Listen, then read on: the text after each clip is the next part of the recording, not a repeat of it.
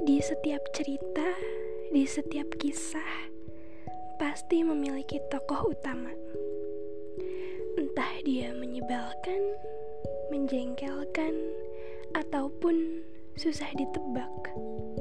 Dia tetap tokoh utama. Tokoh utama yang tidak akan dilupakan oleh penulis dan pembaca.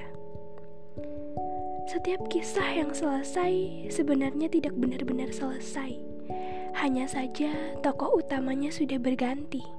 Bukannya tidak setia, tapi jika harus mengejar ketidakpastian dan selalu mengalah dengan ego itu bukan suatu hal yang mudah. Walau tokoh utama dalam setiap kisah itu berbeda. Kalian pasti capek kalau harus mengejar, mengejar, dan mengejar kalau memang satu tujuan, satu pemikiran, satu perasaan, pasti keduanya akan jalan bareng kok. Enggak ada salah satu yang harus mengejar satu di antaranya.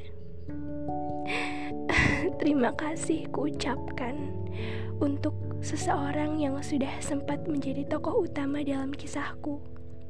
Walau aku ragu bahwa sebenarnya kisah kita belumlah berakhir. Apakah kisah kita benar-benar sudah berakhir.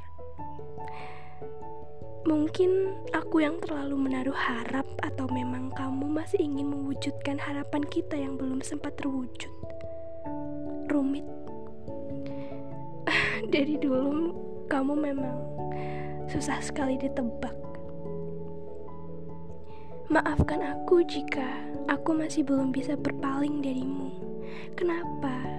Karena kamu tokoh utama dari kisah terakhirku.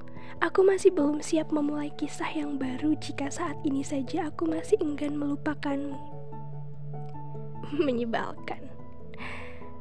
Aku masih sering berharap tentang hal-hal bodoh yang seakan-akan kita bisa melakukannya lagi dan itu sudah jelas-jelas bahwa itu sudah tidak bisa kita lakukan atau kita wujudkan.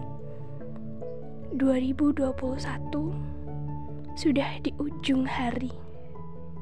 Tahun yang kita gunakan sebagai tempat untuk kisah kita akan segera berakhir. Terima kasih kuucapkan sekali lagi karena sudah pernah menjadi tokoh utama dalam kisahku. Sekarang aku sudah menjalani hari baru, tahun baru, detik baru, dan waktu baru.